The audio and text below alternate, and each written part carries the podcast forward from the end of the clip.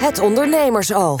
Ik heb oprecht echt voor het eerst in mijn leven dat ik een keer s'nachts wakker werd, niet meer kon slapen en echt op zoek ging naar beneden in de kast naar de hypotheekpapieren van de Rabobank. Ik heb mezelf gewoon in alles heel slim gemaakt. Ik heb gewoon alles geleerd. Ik, zat, ik werkte 80 uur per week. En ik zorgde er gewoon voor dat ik alles zelf kon.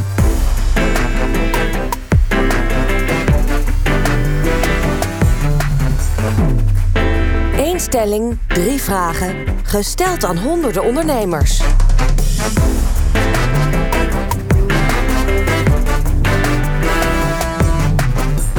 Het Ondernemersoog.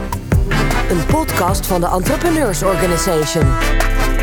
Hi, welkom in het Ondernemersoog, een podcast waarin we vragen behandelen die ondernemers bezighouden. Vandaag is het onderwerp Never waste your own crisis. When shit hits the fan, hoe reageer jij dan als ondernemer? Ik ben Jente Kater, ik ben oprichter van voicebooking.com. Naast mij zit Merlijn Mazerak, founder van de Rookie Minds, een adviesbureau dat uh, organisaties helpt om de menselijke maat terug te brengen. En Daniel Mulder van het evenementenbureau Up Events. Hallo allemaal. Aflevering 3 jongens.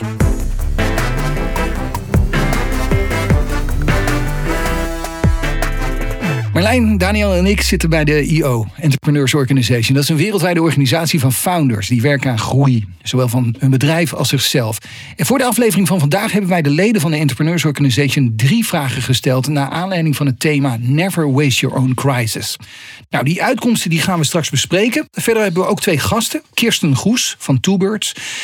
Zij uh, kreeg ooit een bedrijf in haar schoot geworpen en uh, ja, had daarmee vanaf dag één een crisis waar ze mee te kampen had. En we hebben ook David Hartskamp van Lead Healthcare. Um, ja, aan het begin van de coronacrisis uh, was zijn bedrijf volledig stilgevallen. En in een korte tijd daarna uh, wist hij uh, marktleider te worden in een totaal nieuwe branche. En dat verhaal ga je zo meteen ook horen. Ja, jongens, denk je aan crisis, dan denk je aan corona. Hè? We willen mensen nog wel horen. Uh, ik zou me inderdaad uitzetten. Maar, uh, ja. en, en heel eerlijk, het, het, is het beste voorbeeld van een gigantische crisis. Maar wij als ondernemers maken dag in dag uit crisis door. Mm. Nou ja, Merlijn, take it away zou ik zeggen. Jouw crisis. Wat, als jij eventjes terug uh, denkt in de pot van ellende van Merlijn Mazerak. Uh, nou, allereerst zijn mijn, is de pot van ellende bij mij altijd uh, uh, aan niet zo groot. Want ik vergeet altijd wat ellende was. Maar hoe positief dan ook. Iedereen ja, maakt crisis. Exact. En, en op het moment dat er zo'n crisis is, voel ik hem echt. Um, en, en eentje daarvan, wij zijn begonnen met z'n drieën met de Rookie Minds. En we waren een soort drie musketiers. En een van mijn compagnons vertelde nu inmiddels een jaar geleden Um, eigenlijk rouwelijks, heel onverwacht. Jongens, ik stop ermee.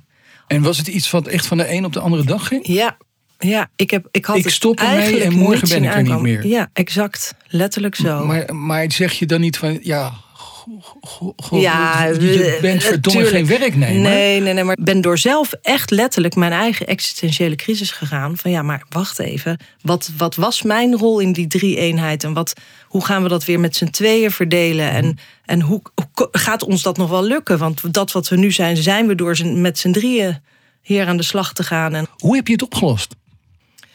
Um, nou ja, nou heel eerlijk, we zijn echt letterlijk uh, bij elkaar gaan zitten. Van hoe gaan we dit aanpakken? Hoe, hoe gaat onze rolverdeling worden? Wie gaat nu wat doen in, en in het visie bepalen, strategie bepalen, stippen zetten? Dus we hebben het daar heel veel over gehad, gewoon heel veel gepraat.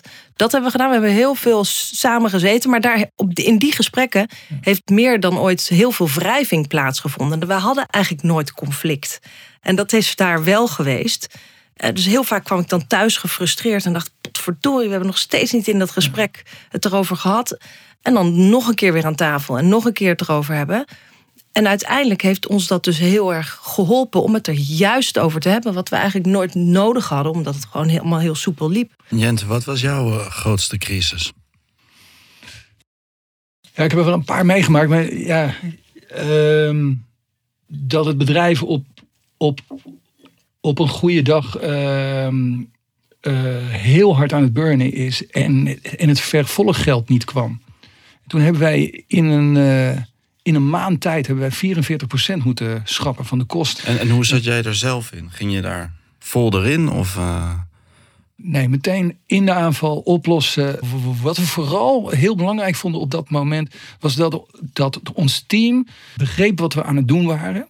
En, en uh, ja, leuk is het niet, maar, maar, maar we wel achter stond. En, en uh, Hielke, mijn zakenpartner, en ik uh, hebben de beslissing genomen toen absolute openheid in alles. Elke dag een meeting, openheid in alles. En meerdere mensen die we hebben moeten laten gaan, die we later weer teruggehaald hebben. Zelfs mensen die echt ergens anders waren gaan werken en weer terugkwamen. Mission completed wat dat betreft. En jij, Daniel? Um, nou, met een evenementenbureau wat van het een op het andere moment uh, niks meer mocht in die ene grote crisis. Mm -hmm. we zagen de corona aankomen dat in Italië al was. En toen, had ik, toen dacht ik, ja, zolang dit blijft uitbreiden, gaat het hier ook komen. Mm -hmm. En toen had ik mensen in een kamertje geroepen. Ik had een paar mensen gevraagd. En ik weet nog, ik ging hem vertellen: we gaan alle uitgaven stoppen die we kunnen stoppen. Alle abonnementen gaan eruit. Uh, gaan je, iemand gaat een PR-beleid opstellen voor als er een, uh, een, geval hier is. En dit was echt week voordat het in Nederland was. En achteraf zeiden mensen tegen mij: we dachten dat je gek geworden was. en, maar op dat moment had ik nog het idee dat we redelijk onder controle hadden en zagen wat er kwam. Dus we waren nog steeds die chauffeur in, in onze eigen bus in de crisis. En dat wilden we graag zo houden. Maar de crisis duurt natuurlijk altijd langer, is altijd dieper dan je denkt. De, de gifbeker moet altijd leeg. Um, dus uiteindelijk werd het wel een, een stuk lastiger. Ja. Ja. Daar ben ik wel heel benieuwd van naar ben. Ik hoor het jou zeggen. Nou, die, die crisis die raakte ons. En uh, we zijn weer doorgegaan. Mm -hmm. Schouders eronder. Jij zegt het ook weer. Ik ben heel veel nou, van We zijn de koollening nog steeds aan het afbetalen hoor. Ja, maar heb, heb, je, heb je er wakker van gelegen? Doet het pijn? Heeft het je pijn gedaan? Of is dit een soort ondernemers nou, we hadden fases. mindset? In, in de eerste tijd had ik helemaal geen tijd om in bed te liggen. Dus uh, wakker liggen was er niet bij. Uh, maar op een gegeven moment deed het wel pijn. Want wij hebben uiteindelijk wel afscheid moeten nemen van mensen. Ik heb, ik heb wel echt, echt op een ongelofelijke high lopen knallen. Dus, dus 44% lopen schrappen. Uh, uh, zoveel promotie gedaan dat we ook op een gegeven moment... Uh, ik in het Radio 1 journaal zat en uh, hier en daar en daar. Ver, volgens zijn we nog een online event van um, een week wezen neerzetten. Heel gewoon een webinar elke dag. Waarom eentje doen? Nee, we moeten impact maken. Hoppakee, safe. Maar achteraf, dat is eigenlijk antwoord op je vraag. Mm. Achteraf is, is corona wel het moment geweest waarop ik uh, uh, echt heb leren denken over centen. Ook over dat mensen heel graag centen uit jouw zak willen hebben. Echt wel heel wat harder geworden. Ja. Corona.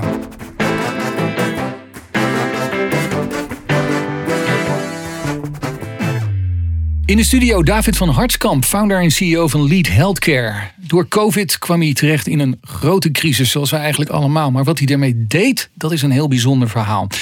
Even snel, uh, David, hi trouwens. Uh, je studeerde farmacie aan de Rijksuniversiteit in Groningen. Uh, vanuit de studie had je al heel veel te maken met de zorg. Twee jaar na het afronden van je studie startte je vanuit je eenkamerappartement een HR-bedrijf. Dat heet Lead Healthcare. 500 medewerkers. En in zo'n crisis ineens 500 medewerkers die stilzitten. Ja, dat was even schrikken. Ja. Durf ik bijna niet te zeggen. Wat ging er in je om? Nou, kijk, het was natuurlijk ook best wel. Het was een hele gekke tijd natuurlijk voor iedereen. En uh, het was heel druk in de zorg. Hè? In ieder geval, dat, dat, dat hoorden we natuurlijk overal. En het was natuurlijk heel druk in ziekenhuizen en vooral op de corona-afdeling. Maar eigenlijk verder in de zorg was het juist wat niet zo druk. Hè? Nou, ik heb oprecht echt voor het eerst in mijn leven dat ik een keer s'nachts wakker werd, niet meer kon slapen en echt op zoek ging naar beneden in de kast naar de hypotheekpapieren van de Rabobank. Ja. ja, dat, dat ging er echt aan. Dat soort dingen gingen er door me heen. 500 mensen, keer laten we zeggen uh, 4000 euro per maand. Nou, ja, ik ben niet zo goed in houtrekenen, maar ik kan me voorstellen dat je dat daar panisch van wordt. Ja, het is echt dus een, ja, echt een loonsom die uh, inderdaad behoorlijk uh, is. En uh, kijk, het was niet zo dat iedereen thuis zat natuurlijk. De crisis begint. Alles staat stil. Dan dat moment waarop dat lampje gaat branden en je denkt, snel testen. Hoe ontstond dat? Nou ja, ik kwam uh, terug van vakantie. Hè. 2020 was het. In die zomervakantie hadden de meeste mensen het idee, ik ook, nou, dat COVID misschien wel voorbij was. Maar in september bleek al snel dat het ja, helaas eigenlijk niet zo was. En ook mijn eigen mensen, waarvan ik er best wel weer toen in opdrachten had, die begonnen klachten te krijgen. En toen besloten wij van nou, we gaan kijken of wij uh, sneltesten kunnen inkopen. Dat was toen nog best wel lastig op dat moment. Uh, om onze eigen mensen te testen en dan tegen klanten te kunnen zeggen, nou, uh, deze professional komt echt COVID-vrij. En zo zijn we daar eigenlijk mee begonnen. Maar toen COVID dus nog veel meer doorging, toen een paar weken later. En ja, eigenlijk ja, wij weer heel veel mensen op de bank hadden, de hele reguliere zorg weer dicht ging toen in één keer hadden we eigenlijk, hè, uh, Koen, mijn maatje en ik, hadden we gewoon het idee van we gaan een, uh, we gaan een teststraat beginnen. We hebben nu al die testen, we hebben al die zorgprofessionals uh, die geen opdracht hebben, die kunnen in die teststraten werken. Dat gaan we doen. Nou dus, ja. dus, dus de volgende ochtend. Jongens, we gaan een teststraat beginnen. Ja, ja, dus dat is, ja zeker. Dus dat is, en, en dat is natuurlijk een. Ja, ik, ik kan me nog goed herinneren dat, iedereen, dat veel mensen daar heel enthousiast over waren. En we kunnen dat ook wel best wel brengen. Met van goh, met veel uh, furoren, we gaan dit doen en we gaan ervoor. We zijn een hele ondernemende club. Uh, maar ik heb ook mensen bij mij op kantoor werken, bijvoorbeeld die van achtergrond apotheker zijn of arts zijn. Serieus. En die heel serieus heel erg in, ja, de details, in de details zitten. En nou, een aantal van die jongens en dames hebben echt wel wakker gelegen. Die vonden dat heel spannend en die vonden daar heel veel verantwoordelijkheid. Dus daar hebben we toen heel veel in moeten uitzoeken. En uh, hebben we ook zelf uh, nou, de inspectie van de gezondheidszorg toen gevraagd van kom even met ons praten. Ook om gewoon iedereen zekerheid te geven van goh, we doen het echt goed. Maakt het dat je misschien ook heel ongeduldig, want je wil juist op zo'n moment voor zo'n goed plan door, doordrukken, lijkt me.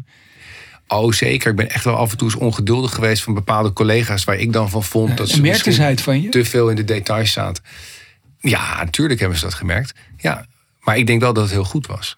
He, want uiteindelijk doe je het natuurlijk met elkaar. En het is ook heel erg goed dat een aantal mensen heel erg goed naar de details kijken. He, want ja, je bent op dat moment waren we echt wel voor ons gevoel baanbrekend bezig. Kijk, na de rand waren natuurlijk heel veel mensen die allemaal teststraten begonnen. werd het allemaal heel makkelijk. Maar dat was toen in het begin bij ons nog niet zo. En ja, toen wilde je het echt heel graag natuurlijk ook allemaal goed doen. Ja. Binnen no time waren jullie marktleider. Iets van 130 vestigingen, zeg ik het goed? Ja, dat klopt. Ja. In, in, in, in hoeveel tijd hebben jullie dat uit de grond gestampt? Ja, ik denk 130 vestigingen. Dat is eigenlijk zijn we echt wel een, een jaar mee bezig geweest. Ja. Uh, maar we waren in het begin, en dus als je kijkt in 2020, ik denk uh, 14 oktober openden wij de eerste testlocatie. En aan het eind van het jaar hadden we er een stuk of 40 of zo. Dus dat is toen heel snel, uh, heel snel gegaan. Ik herinner me nog dat ik op een, uh, op een sneltestlocatie stond. ik weet niet of het de jouwe was, ik stond daar, ik zat daar om me heen te kijken en ik dacht van, er is hier dus een ondernemer die is gewoon als een malle van die dingen uit de grond aan het stampen. Die is als een malle bezig met mensen erbij halen. Die moet met overheidsregels rekening houden enzovoort enzovoort enzovoort. Ik zie het een beetje voor me dat je, je bent een bedrijf aan het bouwen. Uh, zonder dat je eigenlijk maar enige voorbeelden hebt van hoe het zou moeten. Ja, zeker. Dus dat is echt, echt een sprong in de diepe. Nou, kijk, en er zat inderdaad heel veel druk op. Hè? Uh, want ja, we moesten ook echt iets anders. Hè? We moesten een andere inkomstenstroom genereren voor de, voor de onderneming. En uh, ik heb een heel fijn team. En met elkaar hebben we gewoon gekeken, goh, hoe gaan we dat aanpakken? En daarom dachten we ook uiteindelijk, ja, we gaan zo'n teststraat echt rond ons kantoor aanleggen. En wij zitten eigenlijk in een oude kantoorvilla met best wel een mooie tuin. Maar daar hebben we dus echt een soort weg van gemaakt. Een McDrive, zeg maar. Ja, zo kan je het bijna zien. En, maar wij zaten dus echt in het midden van die teststraat. Dus het is inderdaad een sprong in het diepe. En we tasten veel in het duister. Maar we, we zaten er wel echt bovenop. Dus je hebt dan een hele steile leercurve. Hè, met alles wat er gebeurt. Je had echt letterlijk uitzicht op wat er gebeurde. Letterlijk uitzicht wat er gebeurde. En wij stonden zelf natuurlijk in het begin ook allemaal gewoon in die teststraat te testen en te doen. Om maar ook de procedures te gaan schrijven voor de volgende teststraten. En maar te kijken van wat werkt wel, wat werkt niet. Maar vond je het spannend? Want het is, hè, je bent een beetje in een cowboylandschap. Het was best wel spannend, ja, maar ook echt superleuk. Kijk, en wij hebben natuurlijk ook nog meegemaakt dat we uh, toen begin januari, dus eigenlijk een, uh, het is het uh, drie, vier maanden nadat we begonnen, dat de overheid ons ook heeft gevraagd om heel veel grote teststraten op te zetten en te doen. Dus ja, het is een hele bijzondere rit geweest, natuurlijk ook voor mij persoonlijk. Hè. Dus ja, van het zelf opzetten van een teststraatje rond je kantoor. In één keer ook voor de overheid allerlei dingen doen. Uh, met mensen net onder de minister praten. Ja, dat was een hele, hele leerzame en, uh, en bijzondere tijd. En, en het was een extreme cowboywereld. En ja. ja. daar zaten wij natuurlijk op een gegeven moment ook gewoon middenin. En uh, ja, en ja En er waren zeker ook andere partijen, net als wij, een aantal die het echt goed hebben gedaan. Maar er waren ook echt veel cowboys, zeker. Ja. Heb je het misschien soms te goed gedaan? Nou, dat is een interessante vraag. Ik, ik, ja, wij, wij, wij hebben wel heel erg, zeker in, heel erg ja, gefocust op dat, dat medische stuk. En dat Ik stel die vraag eigenlijk van, Ja. had het, want je deed er dus op een gegeven moment, deed je de 35.000, zei je op, op eh, één dag. Heb je wel eens van bepaalde dingen spijt van, nee, maar het had nog veel groter gekund, David. Nou ja, eigenlijk heb ik, nee, ik heb eigenlijk denk ik nergens echt, eh, echt spijt van. Hè. Het is wel, kijk, wij hebben toen op een gegeven moment van de overheid echt de vraag gekregen van, goh, ga een beetje, ga grote testlocaties maken, à la de GGD. Hè, maar dan, nou ja, eh, iets anders georganiseerd, eh, eh, iets minder complex. Nou, dat hebben wij gedaan. En eh, achteraf veranderde natuurlijk zoveel in die tijd. Ja, en ik denk dat het vier maanden later eh, ja, waren er best wel veel mensen die eh, zeiden van ja, eigenlijk hoeft het helemaal niet zo eh, op zo'n manier. Ja, en toen, eh, dat was eigenlijk na het Eurovisie Songfestival, daar hebben we ook nog alles getest. Maar daarna hebben wij alles weer afgebroken. Want wat wij hadden gebouwd was gewoon te duur voor wat er toen eh, door Stichting Open Nederland voor betaald wilde worden. En dat was natuurlijk heel erg zuur, omdat we wel ja, eigenlijk die dingen hadden gebouwd in overleg eerder. En, eh, dus ja, dat is. eh. Als je nu even vooruit kijkt, als je met de ondernemers die luisteren vooruit kijkt en je eventjes in je hoofd een crisis visualiseert, wat wil je iedereen meegeven op dag één van de crisis die bij diegene plaatsvindt? Op dag één.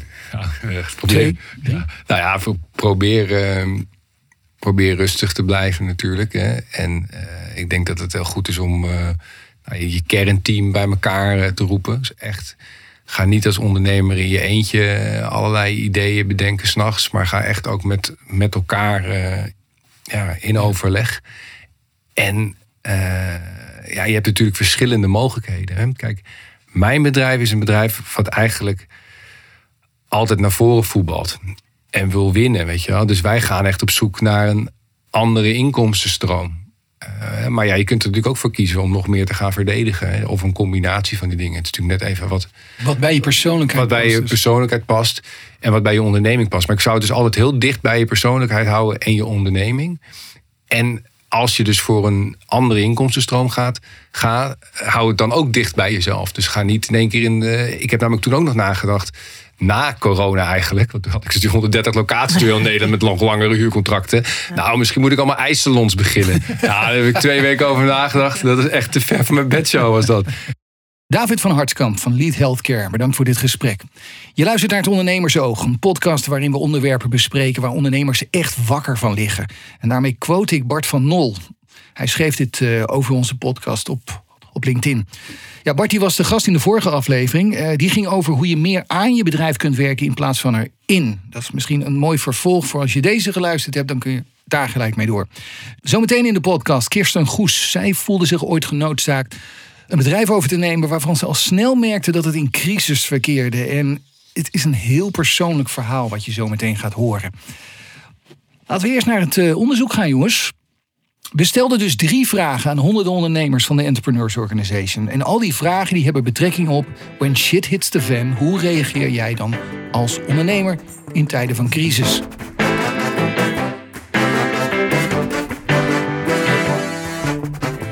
Vraag 1. Ja, als eerste vroegen we hoe reageer je als het mis lijkt te gaan? Bijna 58% antwoordde ik blijf rustig en ik overleg. 30% stormt er direct op af en 12,5% moet even rustig op gang komen. Even kijken, ik blijf rustig en overleg. Merlijn? Nee. Je begint te lachen. Nee, is niet mijn antwoord geweest. Nee, nee. Nee. is ook niet de mijne. Eh, Daniel? Ja, dat, eh, dat, dat, dat zou ik antwoorden, denk ik. Ja. Ja, ik heb ooit een eh, mini-crisis meegemaakt. En ehm, dat had een hele groot kunnen zijn. We waren nog een vrij klein bedrijf. We hadden een hele grote klant. Zaten in het Hilton in Amsterdam. Deden een aantal opdrachten. En wij hadden een, een eh, boot voor hun geregeld. En een heel diner op de boot. En eh, onze eventmanager had een helder moment. Belt twee uur daarvoor dat eh, de groep de boten op moest. Eh, de rederij. En, ehm, en vraagt of alles oké is en hoe laat ze er zijn. En ze zeiden, nou vandaag 8 juni hebben we helemaal geen reservering staan. Wel op 8 juni. en toen hadden we twee uur om een boot te regelen. Dus degene die dat niet goed geboekt had, die liep eh, met een rood hoofd door kantoor. En wij zaten eigenlijk een beetje te gniffelen en te lachen. En eh, wij gingen biertjes pakken. En we zeiden, kom, we gaan eerst even rustig een biertje drinken. en toen hebben we in alle rust even over om gelachen. En eh, met elkaar, eh, elkaar aangekeken. En toen zijn we Hoeveel in minuten volle actiemodus. Nou, een biertje is natuurlijk snel op. Is wel, op zo'n Maar- Maar zou je dat nu nog steeds doen of was het jeugdig ja, ik heb er juist van geleerd. Want Ja. daarom heb ik dit ook geantwoord. Ik kijk er rustig naar en ik lach. En als ik om me heen iedereen in paniek zie gaan of alle kanten op gaan rennen... dan denk ik, jongens, laten we eerst even dat spreekwoordelijke biertje uit de Mm. koelkast halen. Gaan zitten, even nadenken. En toen in actiemodus schieten. Merlijn, jij gaat er totaal anders mee om. Nou, Wat ik denk denk jij dat als je ik dit dat hoort? biertje onderweg meeneem op weg naar mijn doel. Dat is eh, denk ik de, mijn aanpak. Nee, ik ga wel, ik ga wel in die actiemodus. Dat is, dat is eh, durf ik wel te zeggen. Ik zou willen dat ik de rust zou kunnen bewaren. Mhm. En tegelijkertijd denk ik dat het ook wel weer mijn kracht is. Dat ik het gewoon ga fixen. Ik raak er overigens niet van in de stress. Dus Wat zou je actie. precies van Daniel willen hebben dan? Eh, nou, toch het heel even aanschouwen. i- is niet eens zozeer voor mij, Ja. maar wel met mensen om mij heen eh, belangrijk. Want ik merk wel dat mijn actiemodus trekt ook mensen mee die misschien wel behoefte hebben om even te reflecteren. Daan, hoe is het met de boot afgelopen? Nou, dat is mooi. eh, eh, ik had weer heel veel vertrouwen in de mensheid. Want iedereen ging helpen. Eh, de cateringpartner die er was om het eten te regelen. Ehm, wij gingen ja, iedereen die boten verhuurt in Amsterdam bellen. En die zeiden, ik heb zelf geen boot, maar ik ken wel iedereen, dus ik ga je helpen. Dus we hadden, na een half uur hadden we eigenlijk vijf boten. Het was eigenlijk een te leuk probleem voor iedereen. Ja, en, eh, en eh, we hadden ook een beetje mazzel met de, de opdrachtgever. Die had het eh, niet doorgehad. En toen we het verteld hadden, zei ze op een, gegeven, dat, op een gegeven moment had ik het wel door. Maar het is allemaal goed opgelost.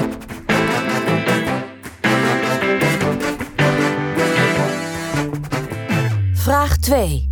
En die is, wat heb je gedaan om je ergste bedrijfscrisis te lijf te gaan? Mensen mochten meerdere antwoorden geven. Ehm, je, ziet, ziet heel veel antwoorden die gaan over eh, het stellen van eh, doelen, eh, teams reorganiseren, over het significant reduceren. En, en, en dan vind ik het opvallend dat, dat, dat er eigenlijk maar heel weinig mensen begonnen, 12,5 procent, over het, het bijstorten van geld, het nemen van een lening, het halen van een extra investeerder erbij. Vind je dat heel gek? Ik, eh, in de zin dat ik, ik helemaal ben niet verbaasd dat mensen niet meteen eh, grijpen naar een, eh, een geldbron. Maar dus aan de slag gaan met het of veranderen van hun business. Of, of, of nog scherper stellen, meer het strategisch bezig gaan. Of met het team aan de slag gaan. Dus dan ben je veel, in mijn ogen, duurzamer bezig met je, met je, met je, met je business en je bedrijfsvoering. En gewoon geld bijstorten is niet de oplossing voor het probleem. Ja, ik zag ook dat eh, inderdaad mensen, de ondernemers hebben het heel veel over mensen, over hun team enerzijds. En adviseurs ook, eh, heb ik heel veel gelezen in de Anders, de open eh, antwoord. Ehm, de juiste mensen erbij betrekken om door de crisis te komen. Dat, dat de ondernemers daar vooral mee bezig waren. Dat is het belangrijkste element. En wat ga je wel doen en wat ga je niet doen? Dus een nieuwe strategie, nieuwe markten aanboren. En dat vond ik zo waanzinnig gaaf. Interessant. Wat ga je wel doen, wat niet doen? En je kan niet zomaar alles gaan doen. Ik vind je blijft bij waar ben je echt goed in? Wat kunnen wij wat iemand anders niet kan? Want ga je zomaar iets doen, daar ben je misschien helemaal niet goed in. En ik ken ook voorbeelden van ondernemers die uiteindelijk toch failliet gingen... omdat ze wat anders gingen doen, wat ze eigenlijk helemaal niet konden. Ehm, maar ik sprak ook een ondernemer die na twee jaar nog steeds boos was... dat hij geen reizen naar Nieuw-Zeeland kon verkopen. En dat was een specialiteit. En toen dacht ik, nou... In die twee jaar had je een dagje kunnen googlen over Aruba. Had je reis naar Aruba kunnen verkopen. Ik vind het ook wel mooi, want de focus wordt in zo'n crisis ook wel heel erg op waar ben ik nou eigenlijk mee bezig en waar ben ik goed in. Eh, waardoor dat, het, is, het is eigenlijk een gedwongen moment Voor zelfreflectie. voor Ja, zelfreflectie. dat is mooi gezegd. Daar Ja. heb ik straks een hele mooie quote van eh, een van de antwoorden. Ja. Ik zou zeggen, geef hem meteen. Nou, het, ehm, het was van Olifant Media Steven de Jong. Hij zei, eh, het, het gaf ons tijd om na te denken over ons team. In oorlogstijd leer je soldaten kennen. Eigenlijk moeten we ieder jaar een crisis simuleren... en onszelf afvragen of het anders en beter kan met het bedrijf. Prachtig. Mooi gezegd.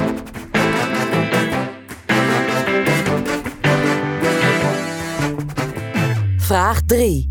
En we vroegen ook aan de honderden ondernemers van de Entrepreneurs Organization... welke learnings nam je mee uit de crisis? Opvallend, de helft van de ondervraagde antwoorden... mijn team is geweldig.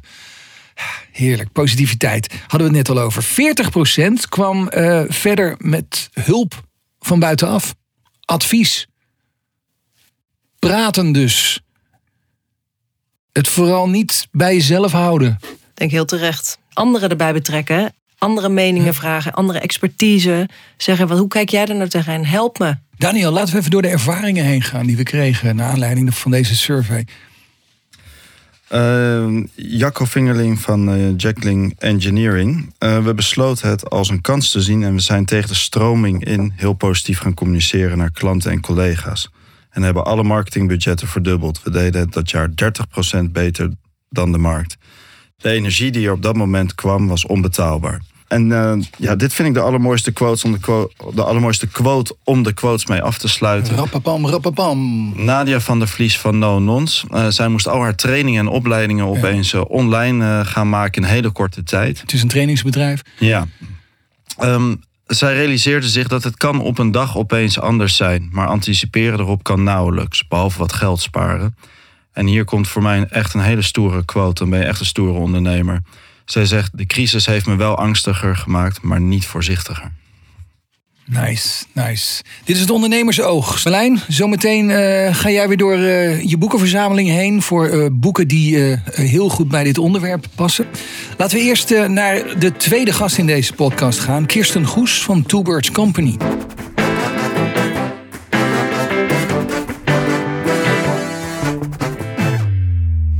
Onze tweede gast is Kirsten Goes van Two Birds Company. Kirsten, hi.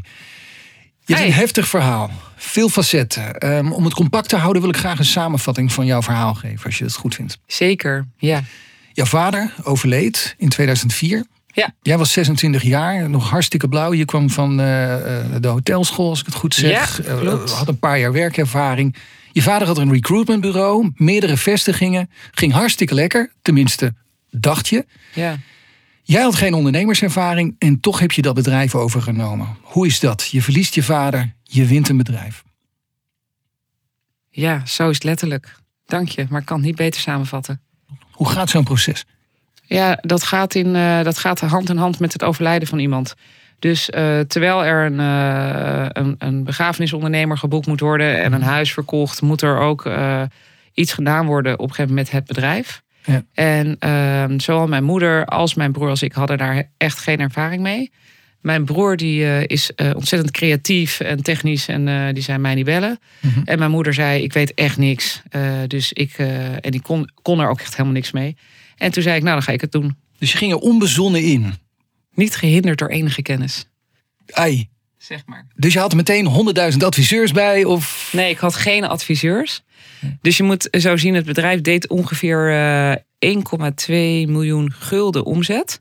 En dat kwam omdat het ongeveer 100 uitzendkrachten per week buiten de deur had spelen. Mm. Maar uitzendbureaus zijn vaak de bank. Oké, okay, dus een uitzendbureau betaalt de salarissen van de uitzendkrachten, maar moet wachten op het innen van de facturen. En als daar te lang tussen zit, ga je op een gegeven moment gewoon stuk. Nou, daar zaten we een beetje in. We waren technisch gezien richting een faillissement aan het afsteven. Daar kwam ik later pas achter. Ja, dus uh, en ik had geen adviseurs. Ik had een financieel directeur die zei: Ja, uh, meisje, dochter van de baas, wat kom jij hier nou doen? En uh, een commercieel directeur die meer operationeel uitvoerend was. Dus die eigenlijk ja, en mij niet zo goed kon voeden.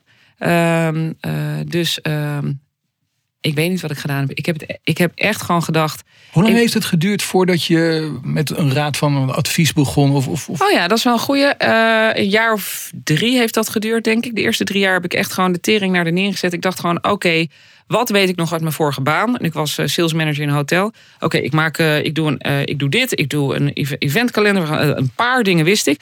En voor de rest dacht ik, oké, okay, die cijfers moet ik zien te fixen. En dat, dan ga ik me daarin bekwamen. Dus ik, werd, ik heb mezelf gewoon in alles heel slim gemaakt. Ik heb gewoon alles geleerd. Ik, zat, ik werkte 80 uur per week. En ik zorgde er gewoon voor dat ik alles zelf kon. Je begint dat bedrijf. En om even fast forward te gaan. Uh, je komt er binnen een half jaar achter dat er crisis is. Ja, klopt.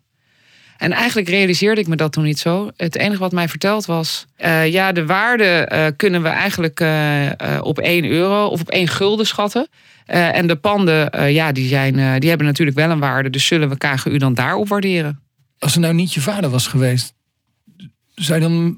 Maar weet je wat het gek is? Ik wist eigenlijk niet zo goed wat hij zei. Ik, het, was niet eens, het kwam niet eens in me op. Ik dacht alleen maar, oké, okay, dan moeten we er dus voor zorgen... dat het wel meer geld waard gaat worden. Dat is wat ik bedacht had. En toen? Eh, toen heb ik nog even mijn baan opgezegd in Den Haag. Ben ik eh, begonnen als vestigingsmanager van een van de kantoren. Ehm, tegelijkertijd startte eh, Mandy, dat is mijn, uiteindelijk mijn rechterhand geworden. Het was haar eerste dag ook en zij kwam net uit de vliegtuig, was stewardess geweest. En wij zijn samen als een malle dat bedrijf gaan eh, doen in Hilversum. En de andere vestigingen hadden daar ook plezier van. Dus op een gegeven moment gingen we allerlei nieuwe klanten binnenhalen. En we kregen heel veel nieuwe business. En al die kantoren die gingen steeds meer draaien op wat wij binnenhaalden.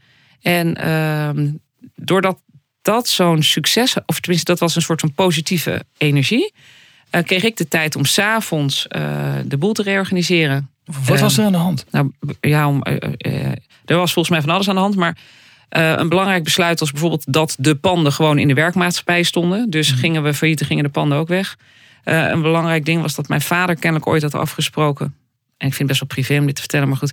Dat de directeuren die daar waren, eh, die hij had aangesteld, dat die ook alle tantiem aan zich mochten uitdelen. Ja. Dus aan het einde van ieder boekjaar maakte zij, als er een winstje was, dat ook naar zichzelf over. Dat was ook de afspraak. Alleen ik vroeg hen, wat doe je dan als je verlies leidt? Ja, dan hebben we niks om naar onszelf over te maken, zeg maar. Dan heb je ook geen potje voor als het een keer slecht gaat. Nee, maar dat zijn ook de afspraken. Dus, en toen, dus dat was het grootste probleem eigenlijk. En daar Dus- hielden zij zich bij. ja, zij wilde dat niet veranderen. Want dat was de afspraak. En toen, en toen bedacht ik me, oké, dus dit, dit wordt wel crisis. Want als dit jullie standpunt is en jullie zijn hier degene die de baas zijn, dan betekent dat dit niet door kan gaan. En eh, iets in mij zei wel dat ik dan nare beslissingen moest nemen. Ik denk, je zit in een enorme rollercoaster dan. Maar wat ik, Ja. waar ik heel benieuwd naar ben, het overkomt je natuurlijk, maar wa- wat er met jou gebeurt. Ja, dus dit was heel raar. Dat kan ik ook nu pas terugkijken. Maar ik weet dat. Ik heb op een gegeven moment zei een van. Ik had een adviseur eh, eh, ontmoet. En die zei: Oké, Kirsten, je moet nu IJzeren Hein gaan spelen. Eh, eh, geen eh, tijd voor twijfel. Gewoon gestrekt, gestrekt benen gas erop. Dus toen dacht ik: Oké, oké, dan ga ik dat doen. Dus ik, dus ik was deels IJzeren Hein. Ik zat vaak in mijn auto op weg van de ene vestiging naar de andere. En dat ik echt in paniek, huilend, terwijl een vriendin opbelde. Dat ik zei: Ik heb echt geen idee waar ik nu naartoe ga. Maar ik, moet, ik ben zo bang. Ik, heb zo, ik ben helemaal in paniek. Ik heb nu vijf minuten, dus ik, ik moet even keihard huilen. En dan, en dan parkeerde ik. En dan t- tissue'tje en eh, twee keer zuchten. En dan dacht ik: Oké, IJzeren Hein. En dan, dan ging ik weer, weer. En dan ging ik weer. In het voorgesprek vertelde je, je had een van de twee directeuren ontslagen. Ja. Ik kwam er meteen, of al, al redelijk snel achter, het was de verkeerde die je ontslagen had. Shit, joh. Verkeerde, verkeerde keus. Ja, dus dat was. eh, Maar daar kwam ik vrij snel achter. Want ik had haar ontslagen. En dat was een hele, heel duur ontslag. Ehm, en ik kwam daaruit dat. Ik heb dat ook helemaal alleen gedaan. Was helemaal niet handig natuurlijk. Toen kwam ik terug op kantoor. En toen kwam ik die andere directeur tegen. En toen liepen we dus even dat kamertje ergens in. Toen zei ik, nou, ik heb er dus ontslagen. En toen dacht ik dus, in al mijn onschuld. Echt, hoe dom kan je zijn? Nu gaan wij het dus samen doen. En hij zei, maar wat jij net gedaan hebt, dat vergeef ik je nooit. En hij zei, ehm, je had dit met mij moeten bespreken. En eh, ik, ik sta er niet achter, dat zei hij. Dus, eh, en dat heeft hij later die jaren heel erg laten zien. En nu hoor ik je zeggen, je, je, je werkte vervolgens nog jarenlang met deze, deze man met zijn dolk in zijn hand. Nou, die had hij, dus had hij die, maar dan was het nog duidelijk. Maar hij deed het dus heel stiekemig. Hij deed dus heel, eh, hoe noem je dat? Passief-agressief. Ja. Dus eh, eh, deze directeur, die, eh, hij was mijn CFO. Dus nou ja, we hadden gewoon een financieel directeur. Nou moet je weten dat finance niet mijn allerbeste... Dus van alles wat ik mag kiezen, zou ik geen finance kiezen. Ehm, ehm, en hij, nou, hij ehm, negeerde mij gewoon. Ja. Dus eh, als er, ik... er komt een moment waarop je echt denkt van, eh, eh, ik gooi het raam uit. Nou, dat heb ik heel vaak gedacht, oprecht. Want het was echt, echt onhebbelijk. En, hij, en, en ik heb hem ook. Dus ik ben dossier gaan bouwen. Ik heb gewoon allerlei mails ge- gemaakt. Ik ben nog meer Ja. dossier. En toen kwam er een goed moment dat er crisis was. Dat is voor iedereen heel naar. Maar ik had ook de kans om mijn financiële administratie te automatiseren. En hij was alleen. Dus ik heb zijn functie overbodig gemaakt. Ja. En ik heb hem met het UWV, met een afspiegelingsbeginsel, eruit gegooid. Met wel, hij had nog drie jaar te gaan. En ik heb zijn pensioen meegegeven. Dat is nog een blijk van waardering. Dus ik heb drie jaar pensioen aangevuld. En vervolgens gezegd, na 25 jaar dienstverband, op zijn 64ste, dat zijn echt hele dure klappers, heb ik gezegd, nou, en nu stopt het voor jou. Dit bedrijf kan zonder financieel directeur. Jouw functie is niet meer nodig hier. Het spijt me, Maar vanaf hier eindigt jouw baan. We moeten reorganiseren. En eh, tot ziens. Nou, dat was echt te gek. dat was echt. Want dit was anders 250.000 euro afkoop of zo geweest. Nou, dat vond ik, dat vond ik echt heel te gek. Dus ik deed, deed die brief ook van die advocaat in de UWV-brievenbus op, weet ik veel. Het moest ook precies op donderdag om drie over negen. Want om vier over negen ging er een mail uit, weet ik veel. Dus daar ging door, hop. En ik was echt zo blij als een. Uiteindelijk heb je je bedrijf verkocht in 2019. Ja, Succesvol. ja, was echt een fijn moment. Ja. Weg met de stress, ja. een nieuw Nou, leven. Ja, de dynamiek met mijn familie veranderde daardoor heel erg. Mijn moeder en ik hebben in één keer weer een hele goede relatie gekregen. En ik eh, kon terugkijken. En dat maakte dat ik kon gaan leren. En dat maakte ook dat ik ehm, ehm, kon openstaan voor echt een nieuw idee. De grootste learning die je eruit gehaald hebt is je nieuwe bedrijf geworden. Ja, totaal. Want ehm, dat heb ik nu in dit hele kort dit interview niet verteld. Maar mijn eerste ervaring was met Mandy. En dat was natuurlijk echt heel erg fijn en heel erg goed. Maar ik heb het later in 2013 nog een keer over moeten doen. Want Mandy heeft haar baan opgezegd op een gegeven moment. En toen was ik alleen. Dus toen, ben ik, toen was ik slim genoeg. Toen ben ik wel een nieuwe tweede man gaan zoeken. En met hem heb, heb ik het best wel goed gehad. Maar wij waren niet aangesloten op visie. Dus ehm, eh, daarin ging het lang niet zo makkelijk als met Mandy. Dus ik heb daar ook echt heel veel dingen geprobeerd. Coaching, aandelen aanbieden, eh, samenwerken, weggaan, noem het maar op. Maar het liep stroef en ik voelde me niet gemakkelijk. Ehm, en door die ervaring van een keer het heel goed te hebben gehad... en ook een keer er, er best wel moeilijk mee geld te hebben... dacht ik, ja, hier valt, hier valt echt iets te... iets, hier, dit heb ik nou, als ik dit goed zou kunnen doen... dan had ik daar wel voor willen betalen, laat ik het zo zeggen. Ja. En toen is Two-Birds eh, ontstaan.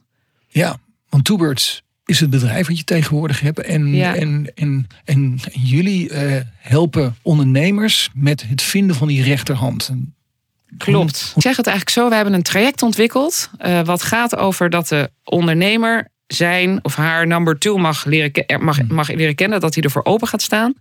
eh, samen gaat werken. Wij begeleiden de samenwerking. Zodat, ze ook, zodat ook zowel de ondernemer als de number two eh, dat heel bewust en inclusief reflectie en feedback en alles meemaken. En waardoor zij dus eh, door een aantal eh, fases heen gaan die wij begeleiden. En zij dus een succesvolle samenwerking tegemoet kunnen gaan. Kirsten, je hebt een bedrijf overgenomen op een verschrikkelijk moment. En door een crisis gegaan. Je hebt het verkocht, succesvol, waanzinnig. Mm. Als jouw vader nu op een wolkje naar je kijkt, wat, wat denk je dat hij zegt? Ja, nou, poeh, dat klinkt wel eh, mooi. Ik denk eh, eh, dat hij. eh, mijn vader was niet zo makkelijk tevreden te stellen. Dus ik denk dat hij zoiets zou zeggen: Nou, meid, je, je bent lekker bezig. Ga zo door. Ja. Kirsten Goes van Toebirds Company, dank voor je openhartige vraag. ja, dankjewel voor de mooie vragen. Dankjewel.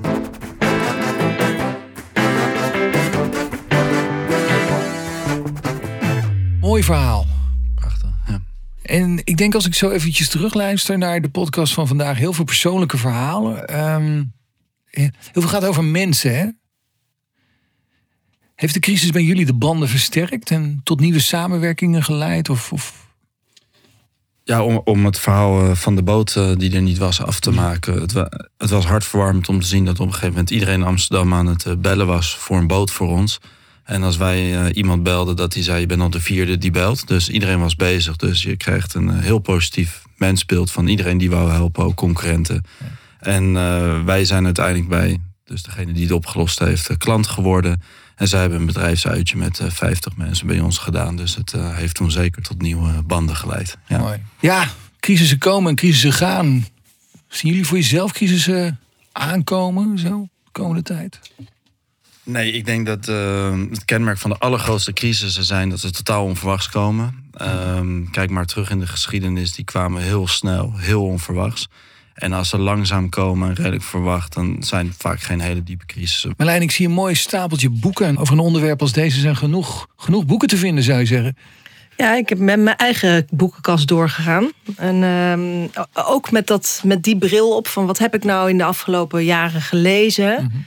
Hè, wat aansluit op die, op die crisis. En toen kwam ik er een, nou, best wel wat tegen. Ehm, en daar heb ik eigenlijk de boeken uitgehaald die ik heel erg, eh, nou, drie van de vier heel erg, eh, heel erg mooi vind. Leuk vind, entertaining en leerzaam. De eerste, en het verhaal van een crisis en, en een succesvolle afloop, dat is Shoe Dog van Phil Knight, de, de bedenker van Nike. Hij heeft niets dan crisis doorgemaakt. Van eh, mensen die hem hebben afgezet, eh, in de steek lieten, financiële crisis, eh, de leverancierscrisis, concurrentencrisis. Het, het, het zijn hele, hele carrière bestaat uit een aaneenschakeling van crisis.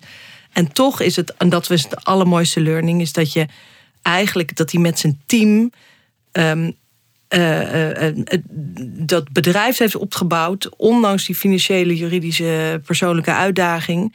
En dat hij altijd is blijven doorgaan omdat hij erin geloofde. Mooi. Volgende boek? Volgende boek. Eh, zelf niet mijn favoriete boek, omdat ik het heel eh, dwingend geschreven vond. Maar toch heel erg interessant. Het, het intrigeerde me wel. The Hard Thing About Hard Things van eh, Ben Horowitz. Ja, dat is die Silicon Valley man die het op een, bijna op een, op een thrillerachtige wijze een, een businessboek schrijft. toch? Exact, exact. En, en, en eigenlijk hè, beschrijft de uitdagingen waarmee ondernemers te maken krijgen. Zoals het nemen van harde beslissingen, omgaan met tegenslagen. Ehm, en het boek die richt zich op de ongemakkelijke, soms pijnlijke aspecten van het ondernemerschap. Ja, maar wel leuk- een eerlijke kijk. Ja, Leuk voor aan het strand. leuk de voor aan het strand. eh, lekker geschreven. We hebben hem eerder besproken, Daniel. Ja, en hoe, hoe beter je bent in moeilijke beslissingen nemen, hoe makkelijker je leven wordt. Ja. Toch? Nou, dus dat is ook een van, een van de lessen die hij meegeeft, die in ieder geval bij mij is blijven hangen. En daarom heb ik hem meegenomen, is dat je moet gewoon omarmen om op je bek te durven gaan. En dan twee boekjes, en die noem ik eigenlijk allebei in één adem. Dat is enerzijds, enerzijds Business for Punks. Eh, en Van anders, James Watt? James Watt, de, de, de bedenker, oprichter van Brewdog, het, eh, het biermerk. Ja. Het leukste, eh, en dat, dat is waarom het bij mij past, is dat ze in het, in het hoofdstukje over problemen zeggen: The problem is never the problem. Dat is al de titel van, van, van het hoofdstuk. En ze schrijven: The real problem is always people's attitude towards a problem. En dan zeggen ze: Weet je, je hebt eh, mensen die eh, erin blijven hangen. En zijn mensen die het omarmen. En het verschil in die attitude is dat de een het ziet als een setback en de ander als een avontuur. En ik denk dat dat is wat, is wat terugkomt. En dan heel kort de allerlaatste. En dat is meer Be More Pirate. Het is een beetje een afsluiter en aansluiter hierbij, maar ook een afsluiter vind ik voor, voor mezelf, voor het, het thema. Weet je, je, soms moet je ook gewoon maar eh, je een beetje aansluiten bij de pi- piraterij uit de, uit de 16e eeuw. En daar kun je, of de Gouden Eeuw, daar kun je veel van leren. En ehm, het moedigt dus, dit boekje moedigt eigenlijk lezers aan om altijd die status quo weer te blijven uitdagen. Dus eigenlijk op zoek te gaan naar die pijn en het te laten gebeuren. De titels van de boeken die vind je in de show notes. En dit was hem dan, aflevering 3 van het Ondernemersoog. In eh, juni volgt de vierde aflevering. Daarin is de stelling: Ik lig wakker van AI. Ai, ai, ai. En mocht je de eerste twee afleveringen nog niet beluisterd hebben, die vind je in Apple Podcast, op Spotify en op YouTube. Marlijn, Daniel, bedankt. Tot de volgende. Tot de volgende. En vergeet je niet te abonneren. Check. Goed idee.